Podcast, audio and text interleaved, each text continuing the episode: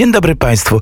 Dzisiaj jedna bardzo istotna e, wiadomość historyczna. 83. rocznica e, zarówno e, konferencji w Monachium, słynny dyktat monachijski, minęła nam 29 września. Wtedy mniej więcej musiała się poddać Czechosłowacja no, bardzo dramatycznej mm, amputacji ogromnych terenów, do których Niemcy sobie rościli pretensje. Był to wynik e, sporu jeszcze z 1918 roku, kiedy e, duże rzesze Niemców sudeckich, Niemców morawskich, Niemców szumawskich i, i rudawskich, bo to są góry dookoła Czech, no nagle zażyczyli sobie przyłączenia do Rzeszy. No skutek oczywiście przyłączenia Austrii. E, ci Niemcy byli związani z Austrią, a nie z, z Rzeszą. No niemniej właśnie powołanie Führera i Wielkiej Rzeszy spowodowało katastrofę dla Czech. E, Czechy przez całe dwudziestolecie, od właściwie 20 roku, bo w XIX jeszcze się, jeszcze się zanosiło na, na dobre kontakty, e, kiedy to, e, no, delikatnie mówiąc, źle życzyli państwu polskiemu w starciu z bolszewizmem. No niestety się potem również źle dlaczego skończyło Armią Czerwoną w Hrodczanach i 68 rokiem, ale wtedy to jeszcze nikt tego nie przypuszczał. I e, wtedy właśnie dojrzał taki bardzo groźny, choć kompletnie niepotrzebny, jak już dzisiaj możemy ocenić, spór o e, ziemię po obu stronach Olzy, tak to powiedzmy. Czesi, e, będąc w bardzo ciekawym ułożeniu geograficznym, otrzymali od Francuzów i poniekąd Brytyjczyków, tak pamiętajmy, oni wtedy jako entente e, rządzili w Europie. Wilson był, jakby to powiedzieć, wujkiem z Ameryki, trochę z zewnątrz. I oni dali Czechom zgodę, że nie muszą rozgraniczać ziem etnicznie, tylko historycznie. To miało ogromne znaczenie i było bardzo słuszne w odniesieniu do ziem czeskich i morawskich, ale nie do śląskich. Dlaczego? Śląsk bowiem nie był Czechami nigdy. Natomiast okresowo do niego należał.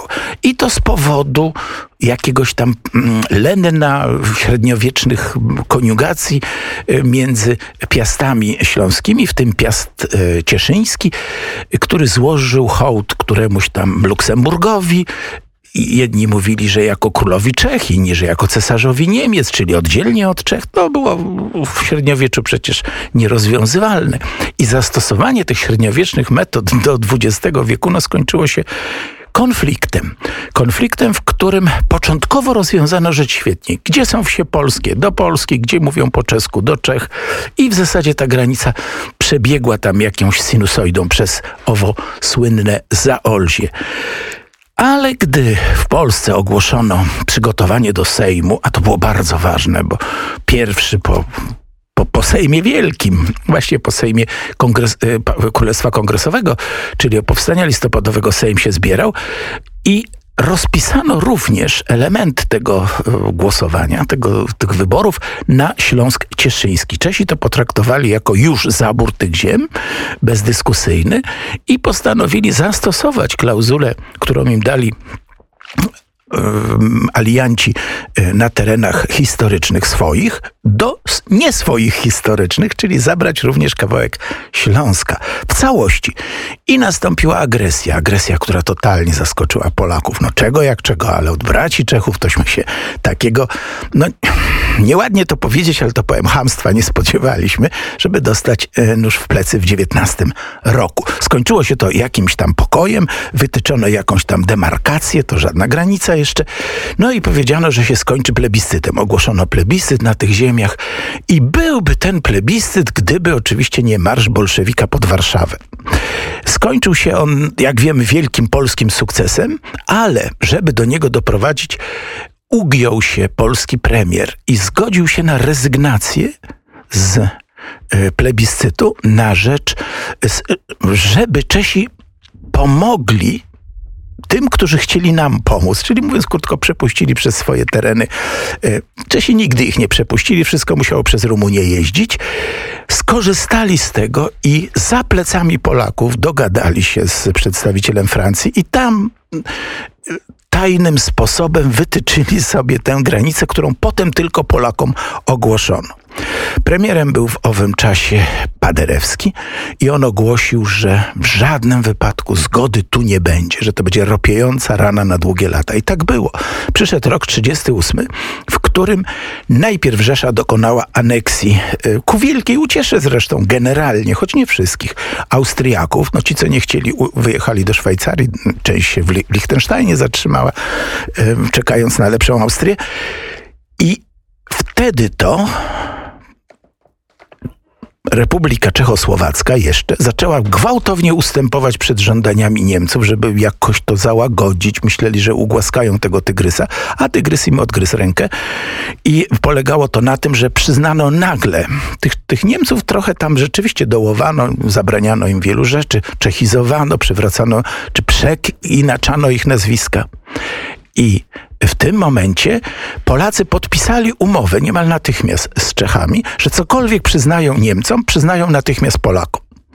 No, było to dla Czechów jeszcze mało wiążące, ale w momencie, kiedy, po, kiedy zostali zaszachowani i musieli oddać tereny zamieszkałe przez Niemców Niemcom, Polacy powiedzieli: Sorry, ale teraz po, ziemie zamieszkałe przez Polaków do Polaków. Notabene wojskowi czescy byli bardzo y, zgodni z Polakami. No, trzeba im tu pójść na rękę, trzeba jakoś ułagodzić, bo się może będziemy razem bronić. I wtedy oni doradzili: musi wystąpić Polska z ultimatum to wtedy rząd, który po prostu nie słuchał wojskowych, ustąpi. I Polska to zrobiła 1 października, dziś mamy rocznicę 83. Y, minister Beck wystosował notę ultimatywną, grożąc wojną, jeśli Czesi nie ustąpią i nie zrobią tego, co zakładał właśnie traktat yy, praski. Y, krótko rozstrzygamy.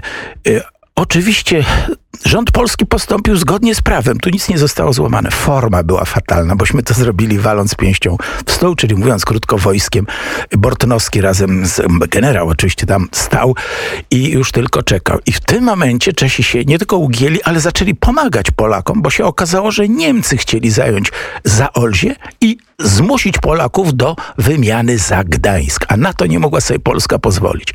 I natychmiast żołnierzy, którzy wkroczyli dnia drugiego, czyli jutro będzie rocznica, do Cieszyna, czeskimi ciężarówkami przewieziono nad Odrę, czyli jakieś 50 kilometrów, a tam już wojska, wojska, zielone ludziki, a właściwie brunatne ludziki SA i SS przeprawiały się przez Odrę, próbując zająć węzeł komunikacyjny w tak zwanym Nowym Boguminie, Boguminie po naszemu, oraz w Gruszowie, to jest jedna z miejscowości nad Odrą. I doszło do tego, że Czesi zachęcali, zatrzymajcie tych Niemców, jeżeli chcecie tę ziemię w ogóle mieć. Podobno ci nasi dowiezieni ciężarówkami czeskimi dopadli już ustawione czeskie karabiny maszynowe i zaczęli strzelać w przeprawiające się pontony, posyłając je na dno, a owych e, pasażerów tych pontonów zmuszając do przeprawy z powrotem na drugi brzeg. Nocą 8 e, października doszło do ataku na takich właśnie zielonych ludzików, którzy już opanowali dworzec w Boguminie. Podobno nasi ich całkowicie wystrzelali. I to było pierwsze starcie z Niemcami. Po tym konflikcie miał niejaki kanclerz Führer podpisać akcję Fallweiss, czyli ataku na Polskę. Także tu mamy, tu się zapalił ląd, który eksplodował dnia 1 września. Dziękuję Państwu za uwagę. Następny komunikat już wkrótce. Dziękuję. Krzysztof Jabłonka realizował Aleksander.